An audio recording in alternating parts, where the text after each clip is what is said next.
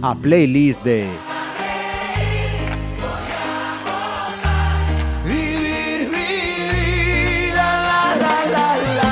So, darling, Arrancamos esta playlist. eh, saludos hoy con un invitado ilusionante. ¿Por qué digo eso? Bueno, pues eh, porque ese es el nombre del espectáculo con el que el sábado 14, este sábado 14 a las 7 y media, va a estar en la fundación aquí en Pontevedra. Es pontevedrés, ilusionista, eh, mago y conocido ya por todos. Pedro Volta, bienvenido. Buenos días, bienvenidos. Eh, hoy te traemos, eh, desde luego, tocará hablar de, de magia, como no, pero para hacer un repaso por tu biografía Hmm. desde el punto de vista musical. Como hemos dicho, eh, pontevedrés de nacimiento Nacimiento y y residente actualmente, Pedro. en Madrid desde hace 10 años, pero bueno, yo nunca he desconectado de Pontevedra, siempre vengo en vacaciones, cada vez tengo más trabajo en Galicia, entonces y cada vez me gusta más venir porque lo disfruto de otra manera, al estar fuera en Madrid, ¿sabes? Eh, ciudad que amo profundamente también, yo soy de los pocos que de decir, ¿sabes? De Madrid. A mí me gusta mucho Madrid, pero eh, Pontevedra me fascina ahora porque encuentro lugares que antes no me había fijado, ¿no? Y siempre que vengo voy a andar por la ría, voy a... Disfruto mucho de la ciudad o, o simplemente dar un paseo por la zona vieja a las 12 de la mañana o 10 de la mañana, ¿no? Y no sé, es como que lo saboreas de otra manera. Siempre cuando te vas ves las cosas desde otro punto de vista, ¿no? Y sin eso está duda, bien. Mm. sin duda.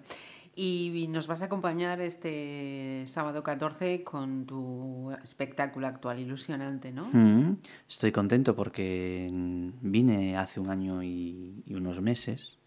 Y vu- Febrero. febrero. Y vuelvo porque en abril hicimos una gira intensa. En, estuve en el Auditorio de Santiago de Compostela, funcionó muy bien. Estuvimos en el Teatro Colón, en el Teatro de Viveiro, en, el- por La Mariña también, Burela y por ahí. Y el último que hemos hecho fue en el Teatro Real Carlos III de Aranjuez. Funcionó muy bien. Y tenía ganas de volver a Pontevedra, pero al auditorio de la Fundación, que es un poco más grande que el teatro principal, tiene otra serie de elementos in- más interesantes para mí, ¿no? Y porque había gente que me decía, oye, ¿cuándo vienes? ¿Cuándo vienes? Entonces al final dije, o lo hago- fue así como en unos días, digo, o lo hago ahora o ya hasta el año que viene no vuelvo. Entonces, pues venga, voy. Y me puse en marcha y estaba libre el día 14 y, y dije, pues venga, vamos a hacerlo, ¿no? Habrá gente que ya habrá visto el show, podrá repetirlo, yo creo que es bonito verlo igual otra vez. Y mucha gente, pues seguramente que tenga ganas porque se lo han contado, porque tal, ¿no? Y luego incorporo cosas nuevas también. Eh, yo siempre voy incorporando, no de golpe, porque es muy difícil hacer un show no de golpe, y porque cuando yo me siento cómodo haciendo algo no me gusta cortar eso, ¿no? Pero por ejemplo hago un número que atraviesa una plancha de acero con mi cuerpo, que es algo como muy espectacular, muy del siglo XXI. Eh, y luego hay cosas que voy cambiando, incluso finales que la gente piensa que va a ser de una manera y a lo mejor es de otra. Así que no lo deis por hecho, no lo deis por hecho. Eh, Pedro, queríamos conocerte también eh, a través de tus gustos musicales. En esta conversación que teníamos eh, previa, eh, extraemos eh, que, pues como a tantos de, de esta generación, eh, las series de la Claro, tele nos han marcado Hmm. también esa banda sonora del principio de nuestra vida, ¿no? Claro, al principio es lo que nos ponen, ¿no? Eh, es lo que vemos, porque en la- ha cambiado mucho, porque ahora mi hija, por ejemplo, mm, con seis años ve YouTube y, y ve blogs de madres que están en, no sé, en Estados Unidos, en no sé dónde, y, ella escoge lo que quiere ver. Es un concepto muy diferente, ¿no? Y yo a lo mejor digo, oye, vemos esto. Y dice, no, papá, quiero ver esto otro. En nuestra época veíamos lo que ponían. Ujú. Y además era muy bonito lo que ponían, mucho más bonito quizás que lo de ahora, a lo mejor porque yo lo miro desde la distancia, pero era más blanco todo, ¿no? Entonces se podía ver, era más, más bonito. Y mm, claro, las, eh, las series de televisión, ¿no? Era lo que nos mm, unía a todos en la- el salón y, y bueno, yo claro, yo soy de los 80, ¿no?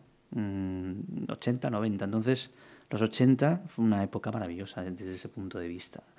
Y, y de hecho yo después en mi carrera profesional mm, sigo bebiendo mucho de ese, esa añoranza, ¿no? De, de la época de los 80, de las series, de todo esto.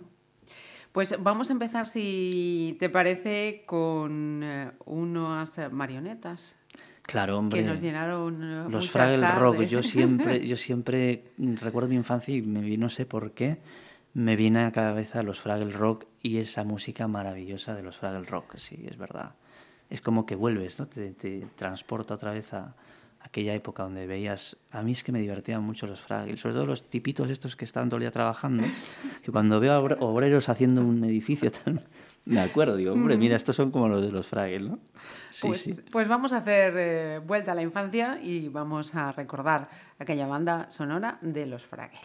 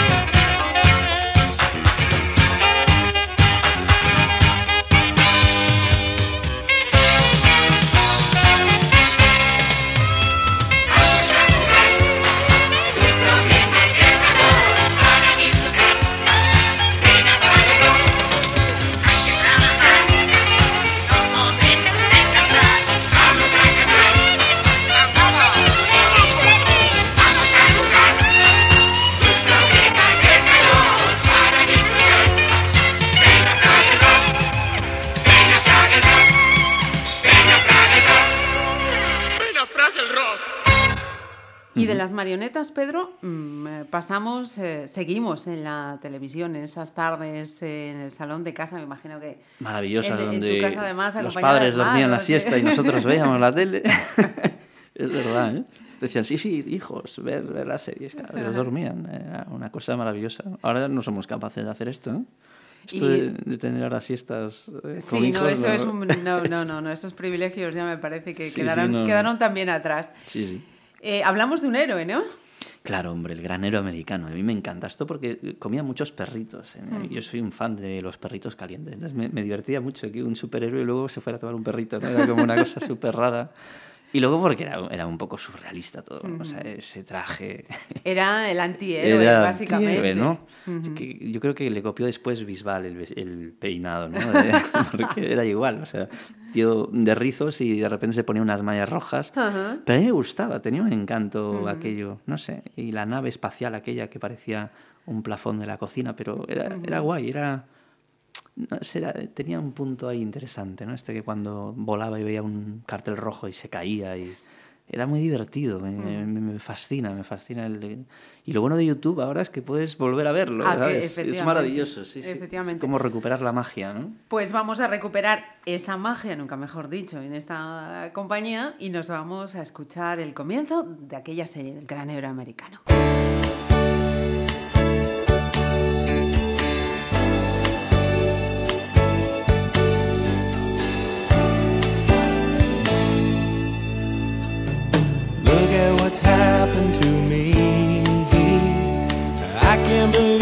It myself. Suddenly I'm up on top of the world.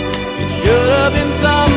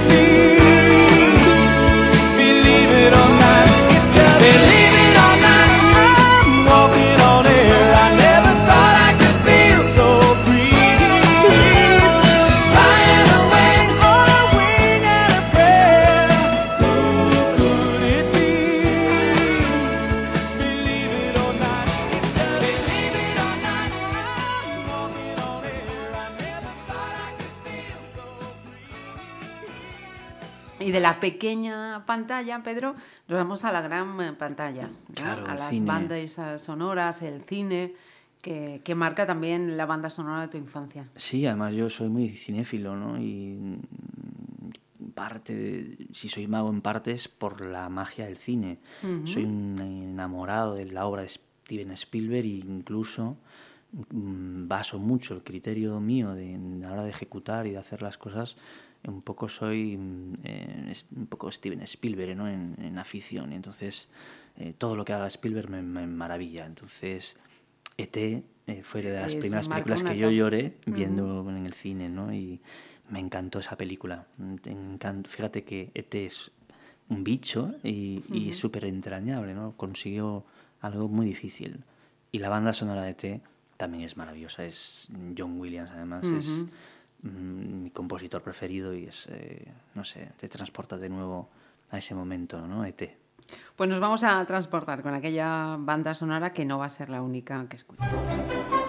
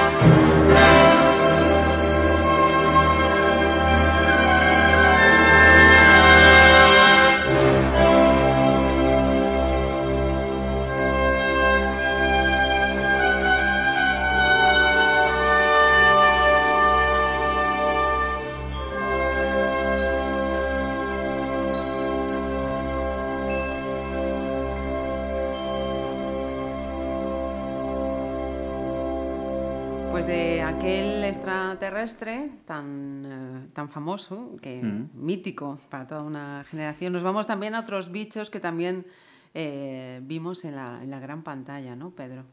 Eh, sí, bueno, más que bichos, eh, los Goonies, ¿no? Eh, los Goonies, bueno, eran una pandilla. Eran bichos, porque Bueno, vaya pandilla. Vaya pandilla, ¿no? Pero yo creo que también era muy divertido, ¿no? El- el, hecho de, de que una pandilla busque un tesoro, eso siempre funciona, ¿no? A nivel cinematográfico. Pero es que era muy divertido todo. el- la película, el, el chino con el puño que le salía de- del pecho y, y luego pues, buscar un tesoro pirata, yo creo que eso a cualquier niño le, le maravilla y le fascina. Mm, Te diré que la he visto hace poco con un amigo y con sus hijos Ujú. Y estábamos encantados. O sea, los niños igual, yo creo que estábamos más encantados. No les acababa de, de llegar. ¿no? Bueno, son otros ritmos y claro. tal. Pero al final les gustó, al final les pareció muy divertido también, porque tiene gags muy interesantes, muy buenos, ¿no? Y luego que detrás de esa película hay una realidad eh, bastante interesante, ¿no? Del materialismo, de, de cómo el banco se quiere llevar una casa y que cómo ellos hacen lo que sea para salvar un poco ese hogar, ¿no? Yo creo que se, Spielberg siempre juega con esto, ¿no? Esa parte de divertimento, y, pero luego Pero siempre con esa moraleja de hay un fondo. trasfondo, ¿no? Maravillosos los Goonies, sí, sin duda. Pues eh, nos vamos que además también marcaron eh, toda una época musical, ¿no? De, claro, de los 80. claro, claro.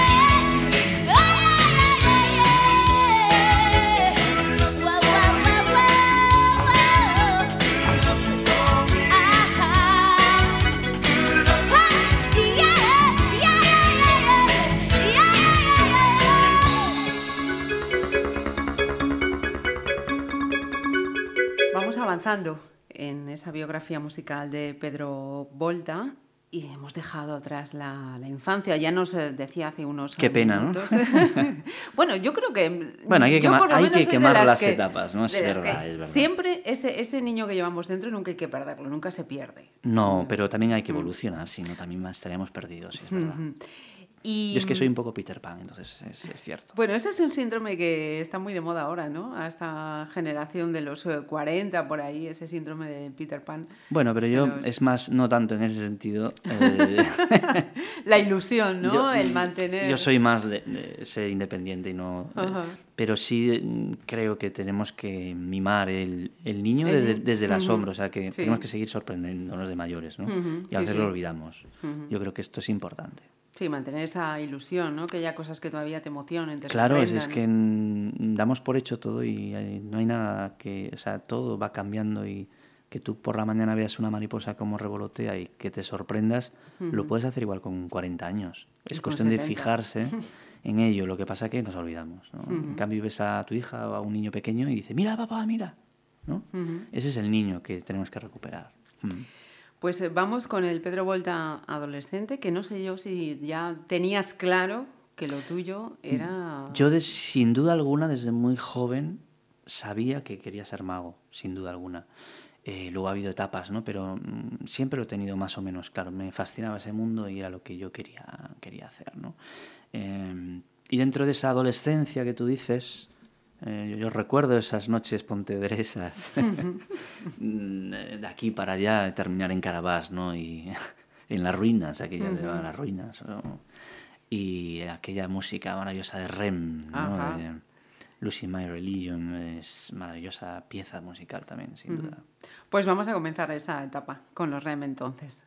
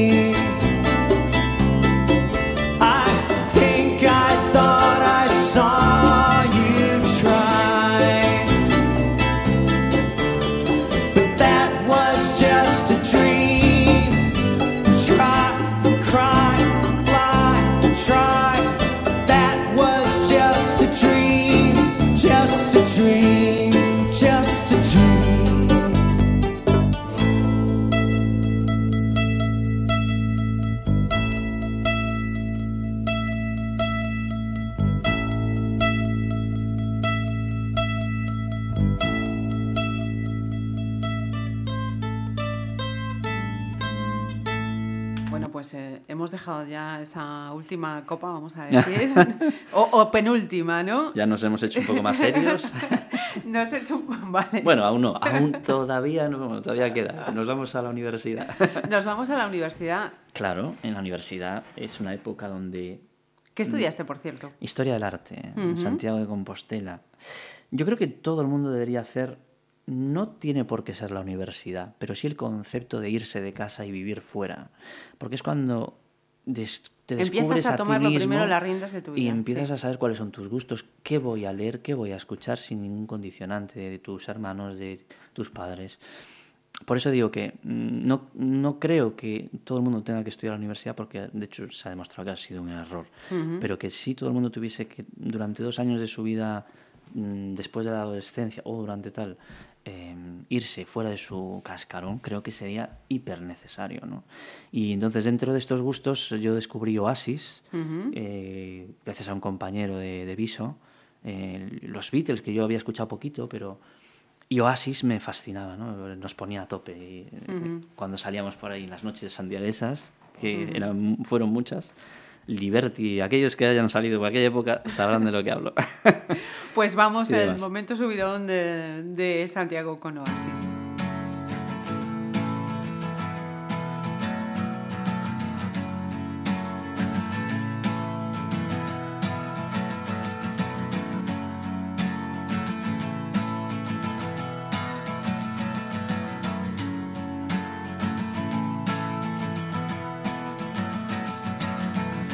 Today is gonna be the day that they're gonna throw it back to you. By now, you should have somehow realized what you gotta do. I don't believe that anybody feels the way I do about you now.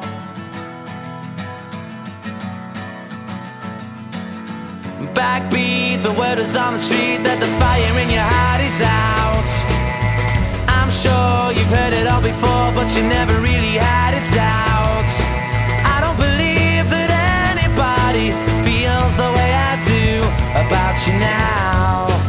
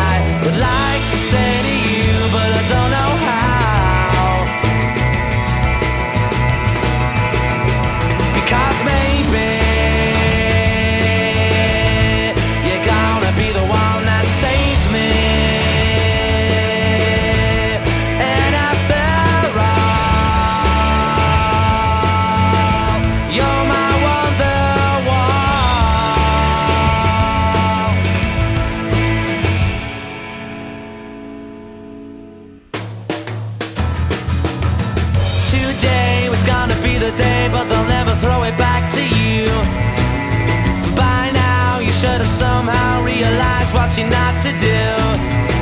I don't believe that anybody feels the way I do about you now.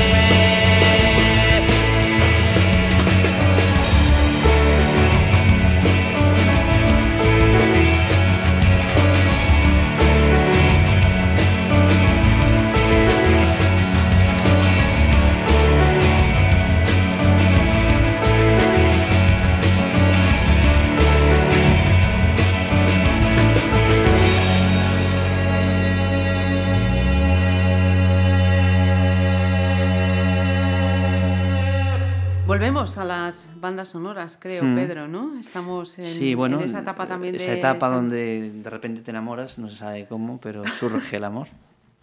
Y Llega. llega y bueno, en mi caso fue muy fuerte. Y dentro de este amor, yo lo que más recuerdo, sin duda alguna, fue la película de Moulin Rouge y esa versión de eh, Elton John que hizo después, interpretada por Nicole Kidman. Maravillosa.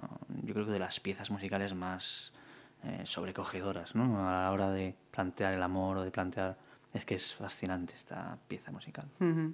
Pues eh, cambiazo total del Claro, subidón hombre, al hay que momento también romántico, enamorarse, si no, efectivamente. la vida no tendría sentido. Pues vamos con esa versión mm, del Your Song de Your Song. en este caso de Nicole Kidman y Iwan McGregor. Ah, eso es. la sonora.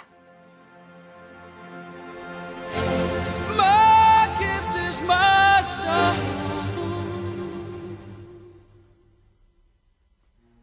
And this one's for you.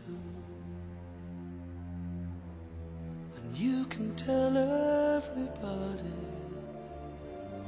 that this is your song. It may be quite simple, but now that it's done. I hope you don't mind. I hope you don't mind that I put down in words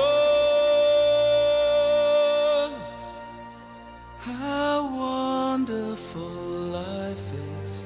Now you're in the world.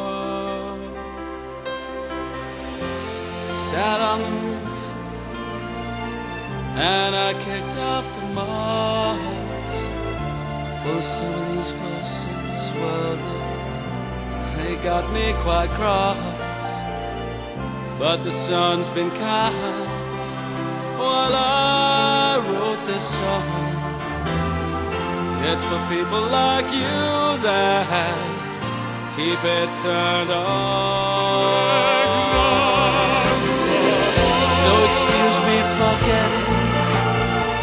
But these things I do. You see, I've forgotten if they're green or they're blue.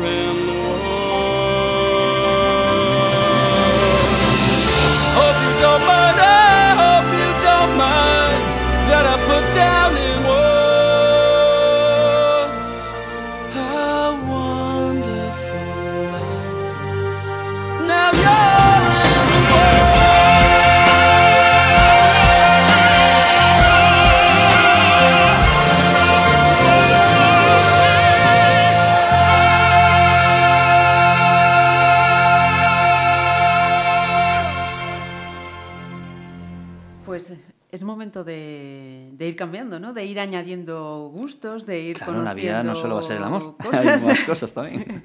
Se puede acompañar de Sí. muchísimas cosas. Claro, y claro, si si es no. con el siguiente protagonista del que nos vas a hablar, bueno, A ver, espera, que estoy yo rebobinando. momento Croner, ¿no? Estás, estás, estás visualizando. Mm, Sí, sí, sí. A ver, mm, refresca un poco la memoria, a ver cómo era la cosa.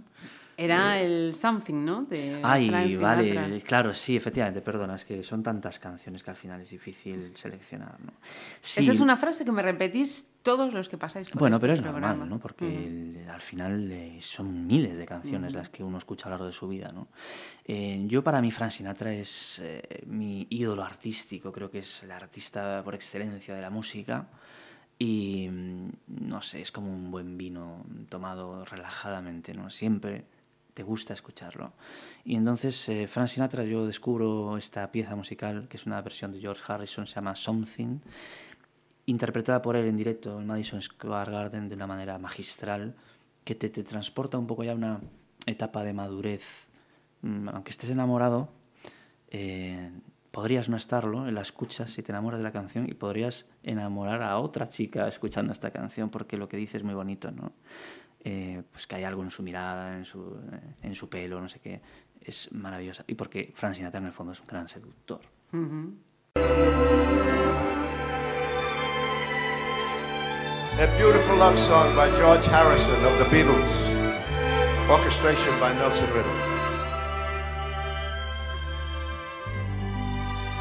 Something in the way she moves attracts me like no other lover. Something in the way that she woos me ain't gonna leave her now. Better believe and how. Mhm. Somewhere in her smile, she knows. I don't need no other lover. Something in the things that she shows me ain't gonna leave her now. Better believe and how.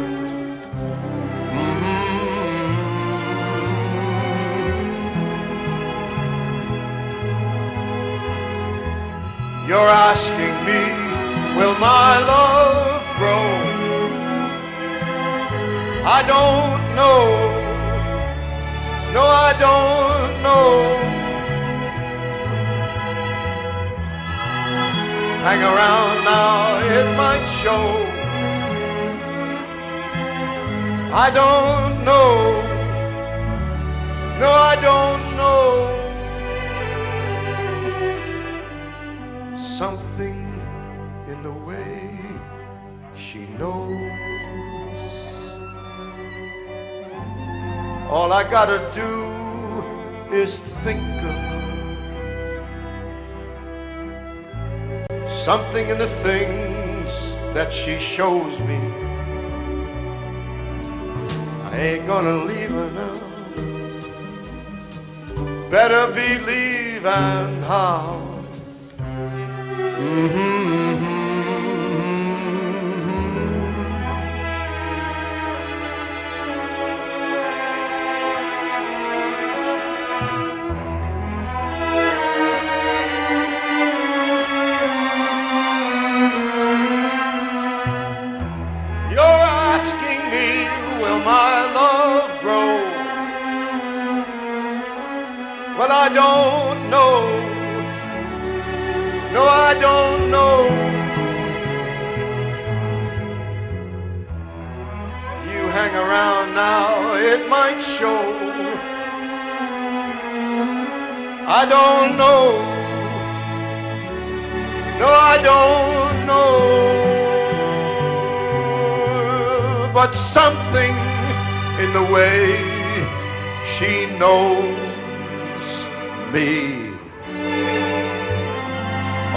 Gotta do is just think of her.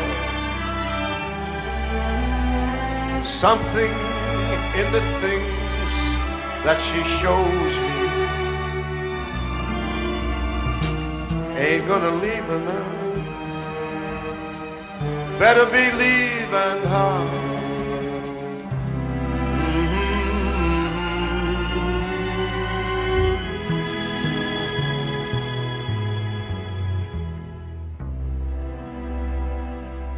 Ain't gonna leave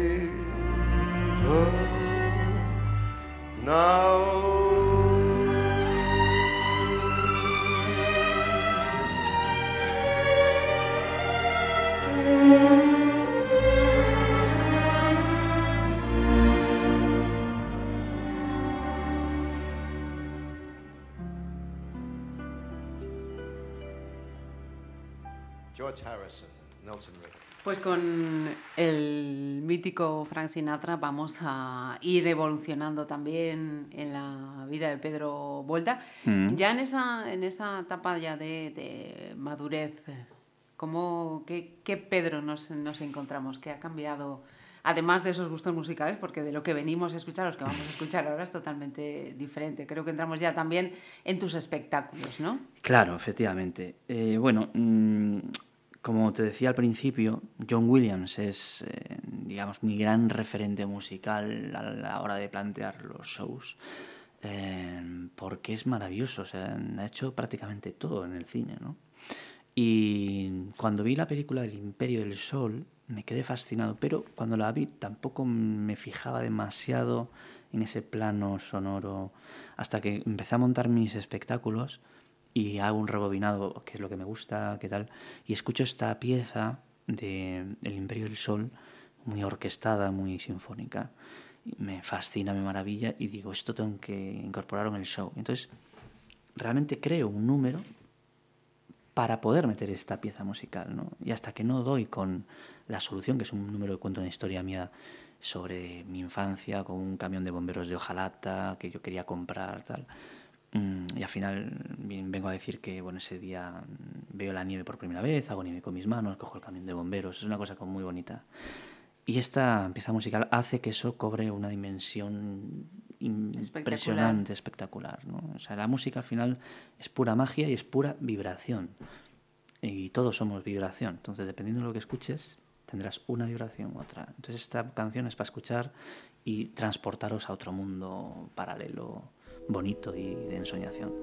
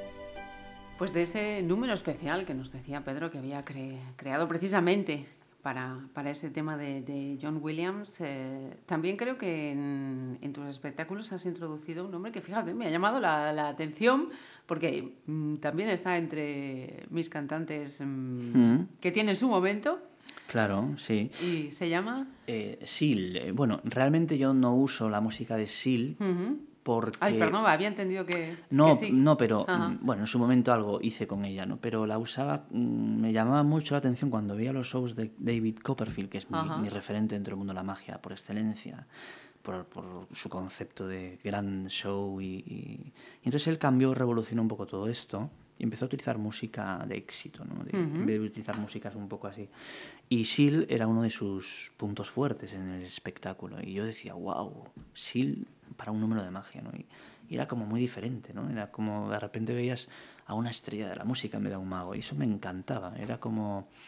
Entonces, desde entonces, desde que descubrí esto a través de David Copperfield, Seal se ha convertido en uno de mis cantantes que me gusta mucho y que lo escucho de vez en cuando también, así cuando estoy en un momento así también relajado y, y cualquier pieza musical de Seal me gusta, pero por ejemplo Amazing es una pieza bonita y divertida al mismo tiempo que, eh, no sé, es, es interesante, ¿no? Es- Tiene swing, es...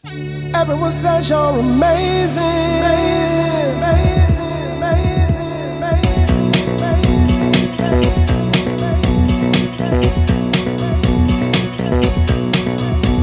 Say you don't know how to do it now, so you run. It's not that you're bleeding, but you're through it now, so you run, so you run.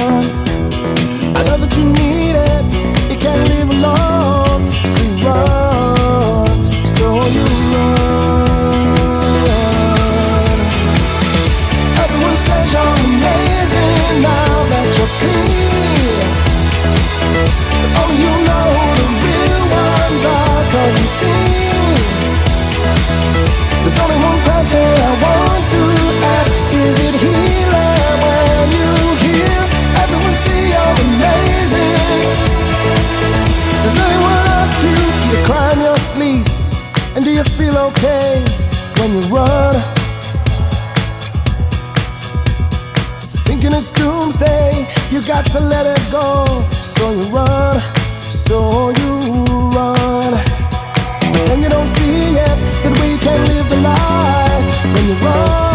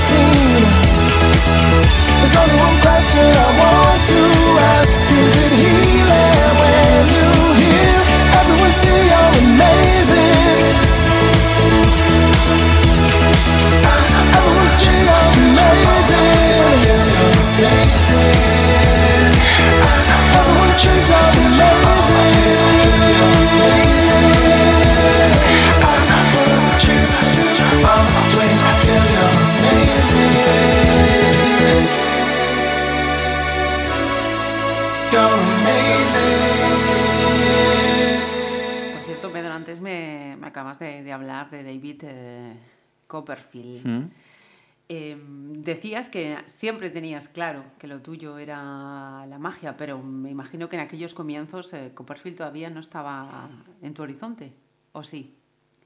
Mm, Bueno, mm, son idas y venidas. Yo mm, muy pequeñito vi los especiales de David Copperfield en televisión española y Navidades. Y yo cuando lo vi, aunque yo ya había visto a Tamariz, eh, Juan Tamariz en, en la bola de cristal que salía Sí, ¿eh? por las mañanas, y me encantaba Tamariz. Y yo empecé, de hecho, la magia con los fascículos que vendía Tamariz. Cada semana salían en el kiosco y tenías que ir corriendo a comprarlo. Pero cuando vi a Copperfield dije, wow, yo quiero hacer esto, yo quiero, eh, no sé, que la alucine la gente, pero un teatro y que... Y quizás eso fue lo que me impulsó realmente, ¿no? Y bueno, y luego, mm, como es algo vocacional, al principio, bueno, lo tienes ahí, pero tampoco hasta que descubres que efectivamente es tu vocación 100%. ¿no? Y yo- claramente es mi pasión, mi vocación y es mi vida. Yo creo que no podría desligarme nunca de, de la magia, ¿no? Es, eh, no sé, es como una llamada. Como un sacerdote, pero no, eh, mago.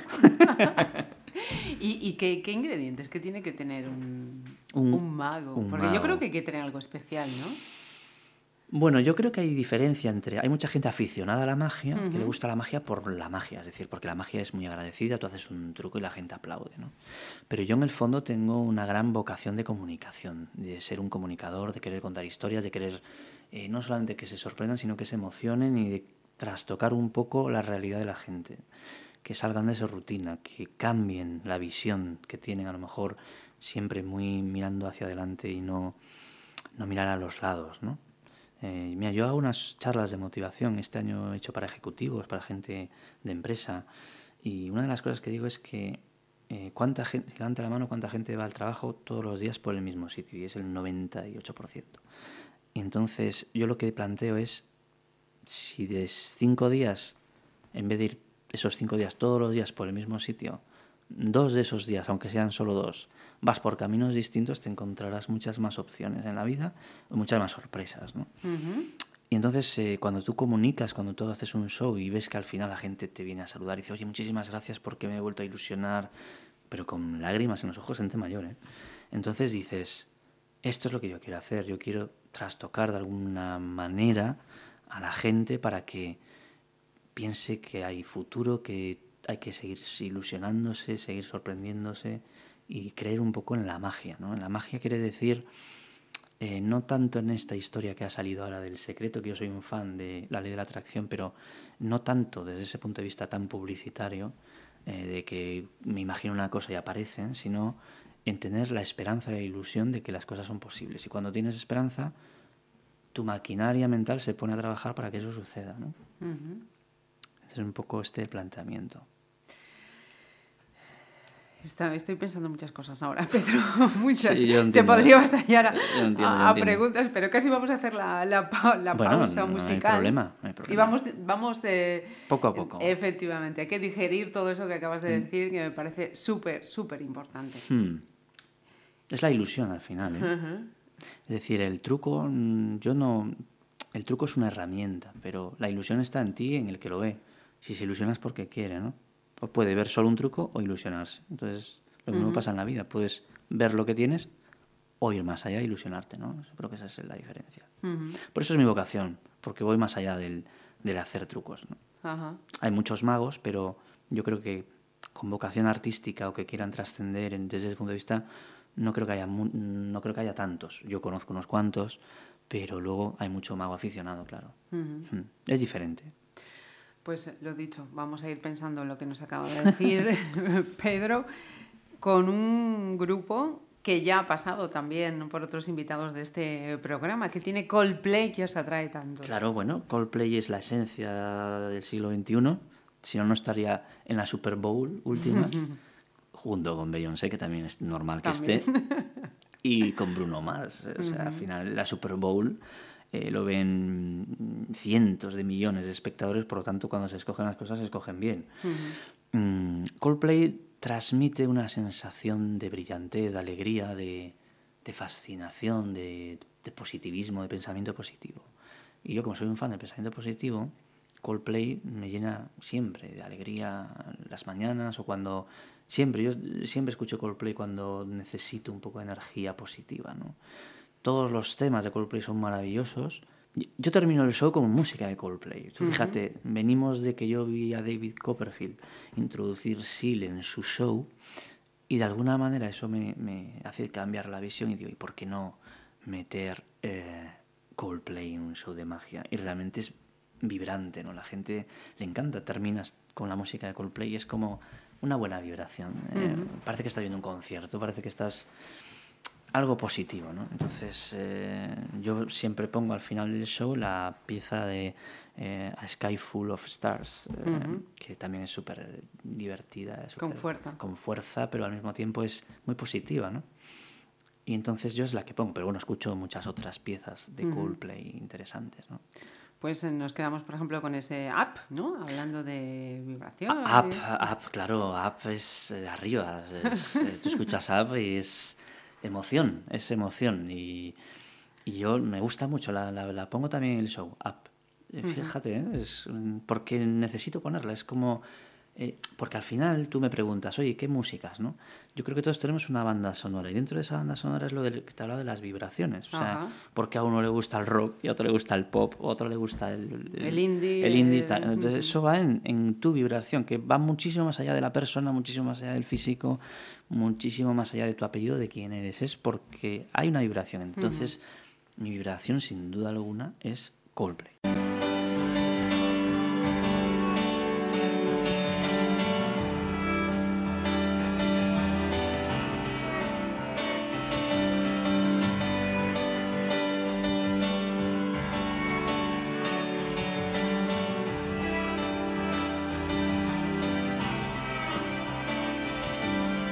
Fixing up a car and driving it again. Searching for the water, hoping for the rain. Up and up, up and up. Down upon the canvas, working in a meal. Waiting for a chance to pick each field. Up and up, up and up. See a bird form a diamond in a rough. See a bird soaring high. It's in your blood. It's in your blood. Underneath the storm, an umbrella is saying, sitting with the poison takes away the pain. Up and up, up and up. Saying, we're gonna get it, get it together. I know, gonna get it, get it together somehow.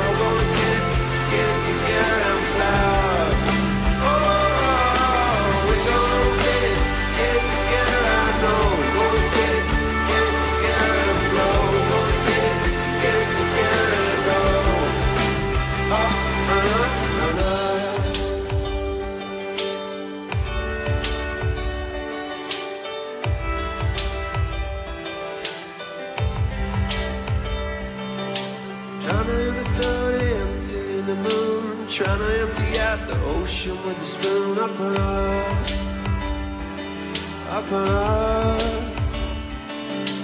How come people suffer? How come people part? How come people struggle? How come people break your heart? Break your heart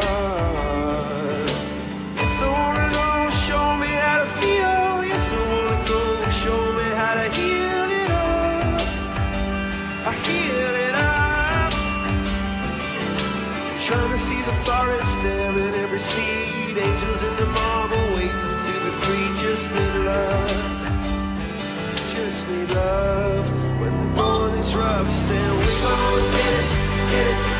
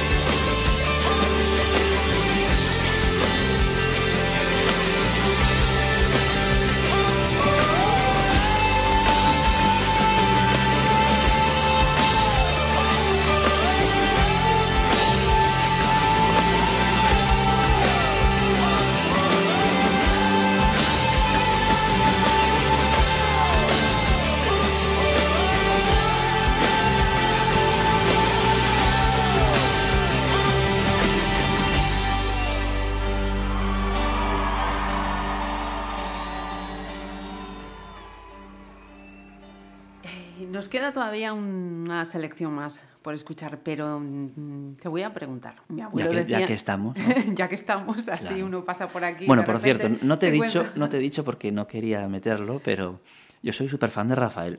Ajá. Bueno, pues ya somos dos.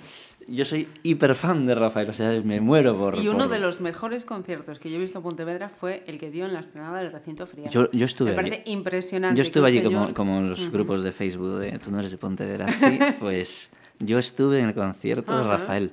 Rafael es un artista como la copa de un pino, porque Rafael es verdad. O sea, mm, de hecho yo soy un poco rafaelista, yo te voy a decir ahora aquí en petit comité. Yo cuando actúo, en el fondo soy un poco Rafael, porque mm, yo creo que al final eh, el artista tiene un- como una necesidad brutal de sacar lo que tiene dentro y de expresarse. Entonces hay ve- hay veces que me parece que estoy haciendo una conexión de como una conversación en un restaurante con un amigo Ajá. mm, y son 500 personas, ¿no? Y esto Rafael lo hace muy bien, ¿no? Es- Ese momento cuando eh, esta canción dice que le importa a nadie, ese tío se para y dice, no, que sabe nadie, y al final se para y dice, que le importa a nadie, ¿sabes? ¿Sabes? Y lo, lo puntualiza también, se para tanto, la iluminación la puntualiza tanto, que es que eso es imposible no mm, ponerse de pie. Sí, Es que es increíble, el, el artista de Rafael me encanta. Artistazo. Artista. mm. Te iba a preguntar después de este momento, Rafael. Es que había que meterlo como fuera. por supuesto, por supuesto. Em, habías apuntado antes, eh, habías hablado y he dicho yo, mm, le tengo que preguntar. Mm, La ley de la atracción. Sí. Explícanos. Bueno, eh, uno en la vida va pasando por diferentes procesos y yo empecé a leer muchas historias sobre la ley de la atracción, muy conocida por el libro El Secreto, pero que, repito, el libro El Secreto es una mm, versión muy mal contada de lo que es la ley de la atracción.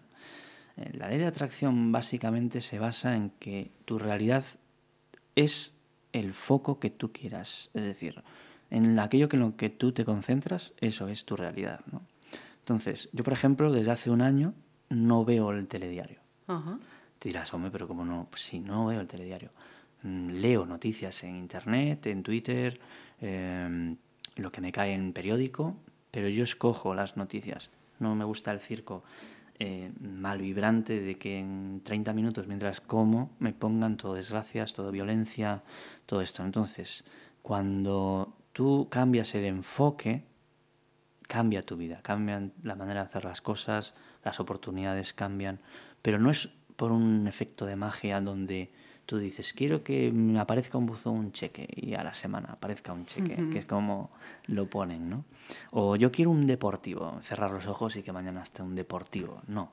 Consiste en que si tú tienes un objetivo, un sueño, por ejemplo, en mi caso, la magia, eh, si tú pones, concentras toda tu energía ahí, las oportunidades aparecen porque estás receptivo a ello y porque de repente eh, conoces a una persona que te interesa, le preguntas, le cuentas y ella de repente te dice, como me ha pasado a mí, de estar en una fiesta privada y decir, oye, pues hacer el espectáculo, tener buenas vibraciones y decir, oye, me voy a quedar un poco más porque esta gente es mi maja y, y quiero probar unas cosas que tengo como de motivación en la gente del mundo de la empresa y tal.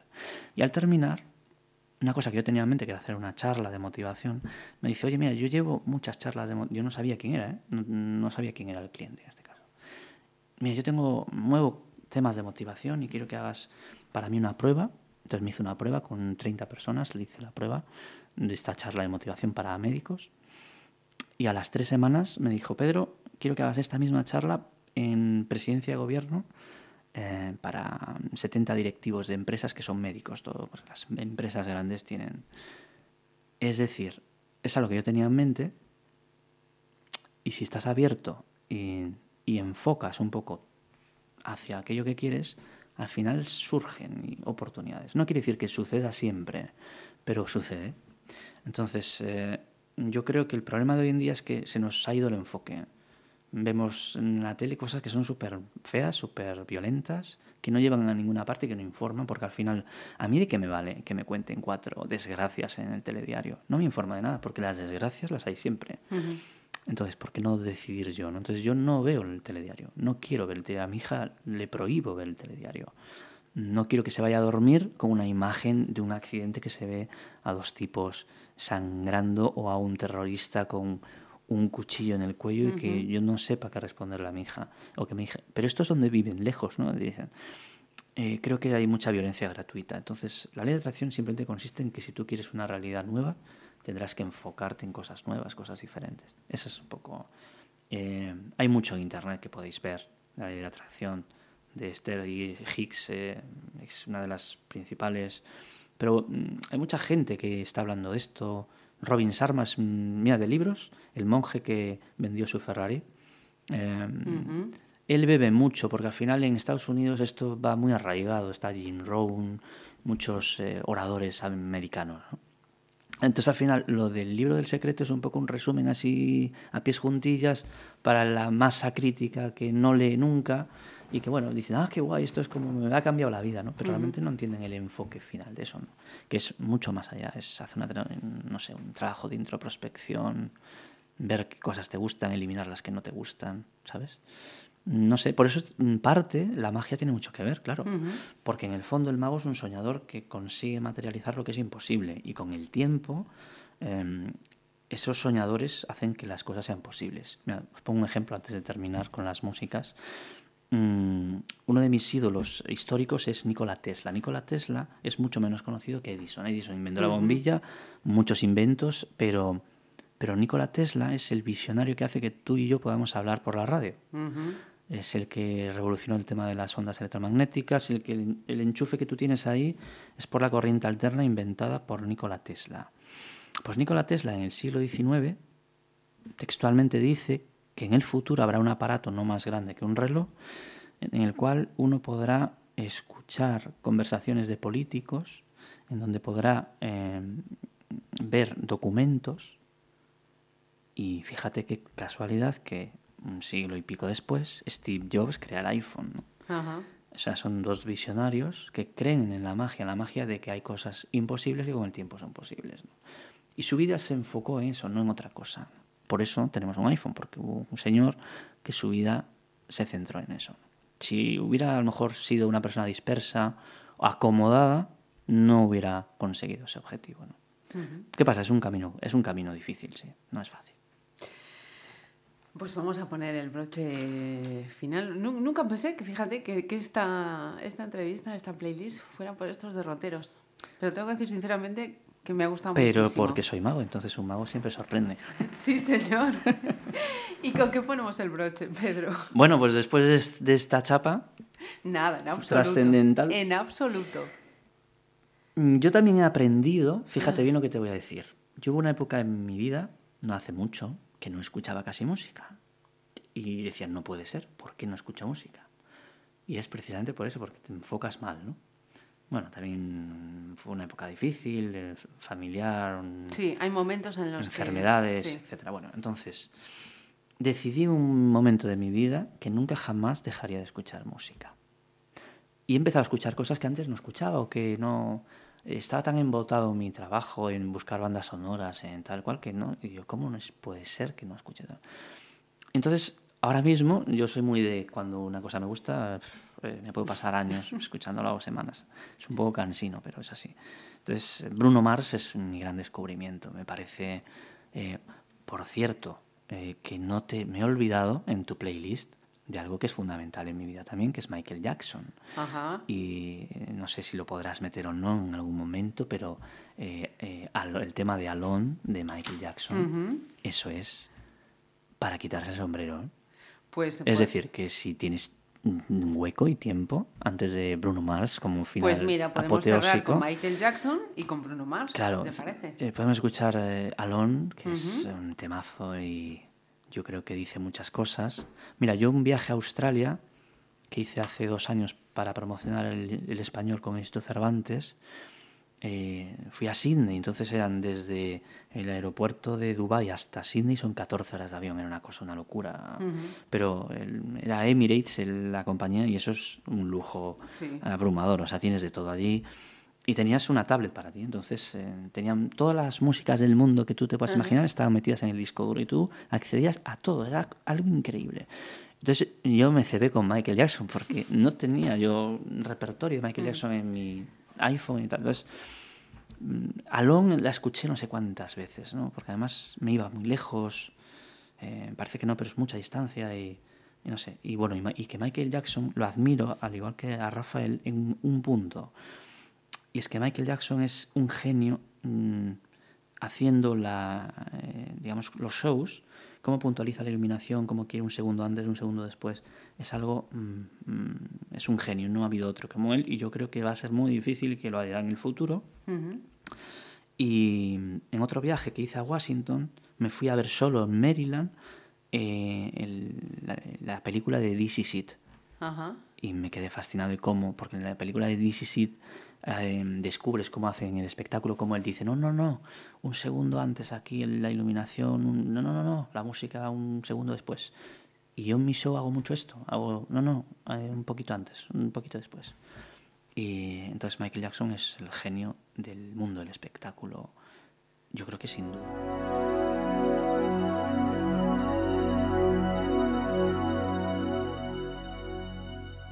Another day has gone. I'm still all alone. How could this be? You're not here with me. You never said goodbye. Someone tell me why. Did you have to go